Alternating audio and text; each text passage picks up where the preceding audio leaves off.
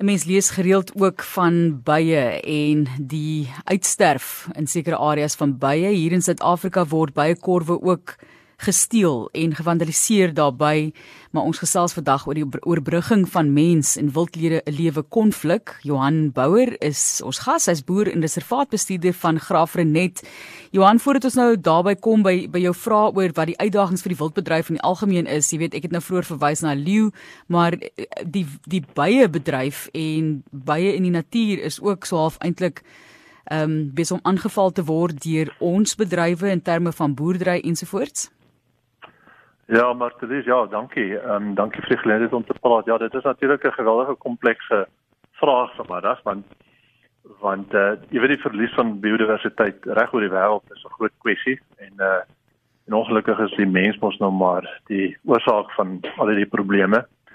En ons ondervind dit, jy weet, en as mense nou dink dit is nie dit dit dat die verlies aan biodiversiteit het nie 'n effek op klimaatsverandering nie wat ook nie 'n effek op insekte en op en op die diere lewe in die algemeen het nie maak hulle groot fout.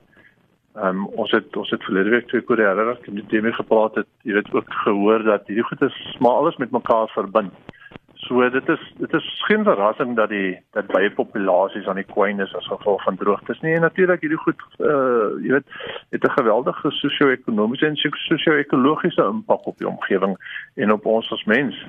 So dit is 'n dit is 'n redelike komplekse probleem wat uh, wat mense redelik kan oor filosofeer. Ons wil fokus op herlewingsbeginsels van jou kant af ook, maar kom ons kyk na die uitdagings van die wildbedryf en ja. hoe jy daai aanspreek om hierdie herlewingsbeginsels dan toe te pas soos jy sê.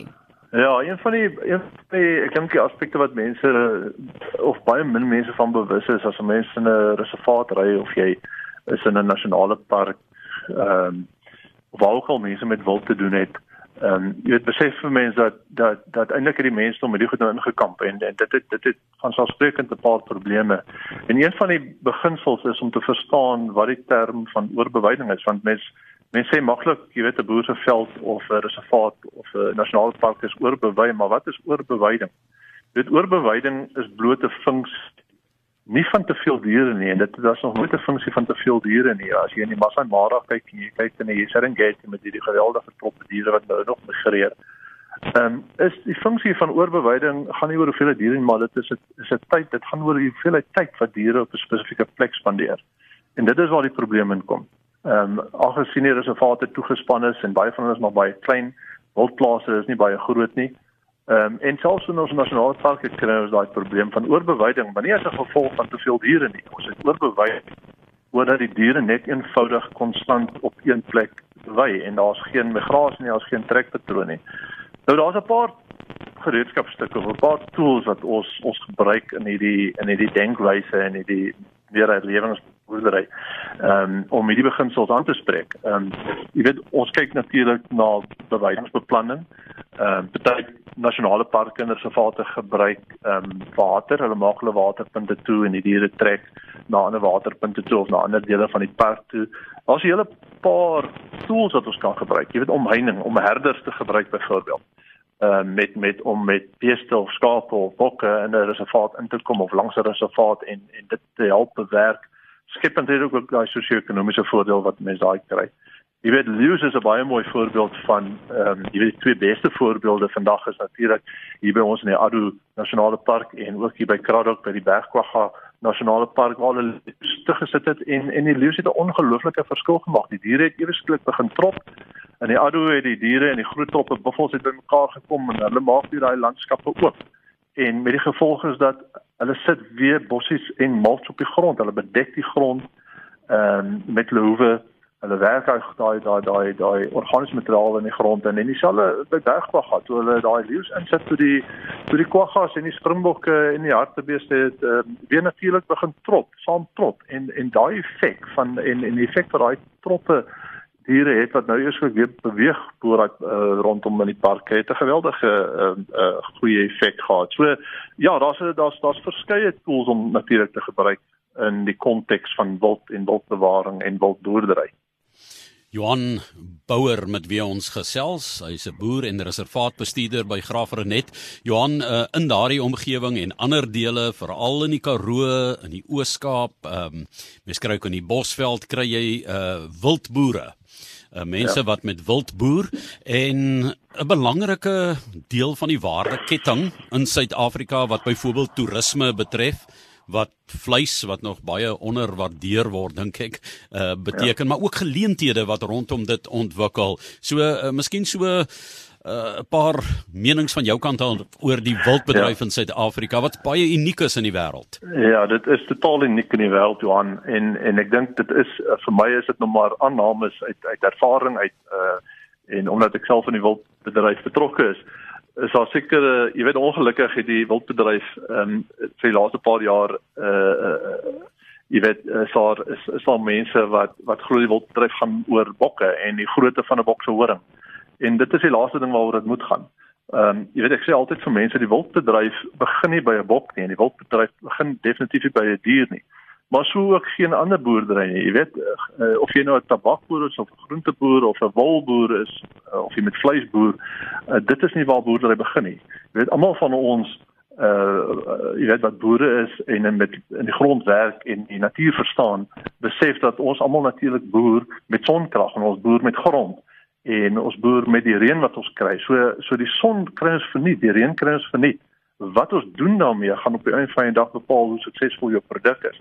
Nou as jy nou besluit jy is 'n wildboer vandag dan dan begin die wildlewe regtig in daai bietjie grond want ons jy weet daar's meer wildlewe natuurlik op die grond as waar daar mense op aarde is. En ek sê baie keer vir mense dit is waar wild waar die wildbedryf begin. As jy nie na jou ekologiese fondasieblokke omsien nie, dan kan jy vergeet af van om 'n gesonde, mooi dier te teel. En want dit werk net nie, maar dit is dit is dieselfde in enige ander boerdery. As jy moet kyk na jou grond, jy moet kyk na jou jou biodiversiteit, jou plante groei. En eers dan gaan jy 'n suksesvolle dier kan teel. En 'n dier wat dan vir jou 'n goeie gehalte vel of 'n goeie gehalte vleis lewer of of jy dalk ehm um, jy dalk toeriste toerisme is dalk jou konteks wat jy gebruik op jou boerdery en jy jy is toerisme afhanklik. So hoe gaan jy daai storie oordra aan daai toerist wat vanaand daai vleis op sy bord gaan kry? En en dit alles dra by tot die waarde toevoeging wat onlangs natuurlik uh, uh jy weet die die wildboerdery maar enige jy weet skaap en beesboerdery soort van met 'n storm aanvat nou is is die is is koolstof en en die hele benadering van hoe jy diere aanwend om jou koolstof in jou grond te kan verhoog. En daar's 'n ongelooflike waarde wat daaraan gekoppel gaan word in die toekoms en en dit is dit is nog totaal onwaardeer. En soos jy reg gesê het, wildvleis dink ek is totaal onderwaardeer en um, en en daar's geweldig baie werk wat moet gedoen word, maar jy kan daai vleis net verkoop as jy 'n storie daaraan koppel as jy vir mense kan wys jy jy gee om vir biodiversiteit as jy vir mense kan wys jy dra by tot die tot die gesondheid van jou grond. Ehm um, so dit so dit is die hele siektes jy weet wat wat 'n mens maar na moet kyk ehm um, wat van enige boerdery van toepassing is en selfs in 'n nasionale park. Dit is baie interessant wanneer mense gaan kyk na die omvang. Ons praat oor van wildsvleis. Ehm um, so 'n paar jaar gelede, hele tydjie gelede al was daar drie Karoo vrouens wat 'n boek uitgegee het. Ehm um, is dit Annetjie Reynolds hulle Ja, Reynolds. Annetjie Reynolds. Ja, ja, ja. Daar by Richmond rond, hè, in daai omgewing en ek het daai boek daar in my rak. Is my fantastiese boek om te lees en te kyk hoe mense wat dan daai voogdyskap van die grond uitleef Jy weet ja. ook werk met hulle kosbare skatte wat hulle kry in daai omgewing, dit wat vir hulle gegee word en dit is die gesonde wildsvleis en ek dink in Suid-Afrika is dit iets waarna ons ook um, meer kan kyk om om gesondheidsredes ook. Ja, ja, ons ongelooflike waarde daarin. Ons het ons het die Karoo boere is baie bewus daarvan. Jy weet die Karoo is droog en en jy moet 'n man 'n plan maak om te kan oorleef. En en wild is is 'n kardinale komponent van enige boerdery in die Karoo en en en nie ons besef jy weet uh, as mense wat wat wat regtig uh, besef hoe om waarde toe te voeg op hulle grond en op hulle plante groei. Jy weet as as as die die die gesegde sê nou Ellen Syvery sê altyd as jy as jy jou grond met 1% die koolstof met 1% in jou grond kan verhoog en elke grondeienaar of of 'n voog van die grond of wie ook al waar jy ook al is in 'n kommunale uh, landelike omgewing as jy jou jou grond met 1% die koolstof kan verhoog. Elkeen op hierdie planeet dan kan ons dan kan ons klimaatsverandering terugvat tot uh, na voor-industriële tye. En dit is hoe kragtig hierdie is. En om 1% dan gaan jy net 'n idee gee van 1% koolstof in jou grond is regtig min moeite. Dit is om 'n deklaag op jou grond te sit. Jy weet ek sê altyd vir mense hier so my my my my as as ek op die einde van die dag kan besluit wat my nalatenskap is is om is om 'n volle bedekking in jou veld te kry. En as jy daai veld van jou kan voluit bedek en jy sit nie met ou kalkolle en ou erosieslote en hierdie tipe van goed wat jy kan aanspreek deur natuurlik diere te gebruik dan uh, dan kan jy koolstof verhoog. Daai koolstofverhoging kan jy deesdae op die open mark gaan bemark en jy het net nog 'n waardeketting wat jy kan toevoeg tot jou wil, tot jou skaap en jou wol en dit tipe van goed. Jy weet 'n mens moet regtig deesdae holisties dink en 'n plan maak op 'n plaas.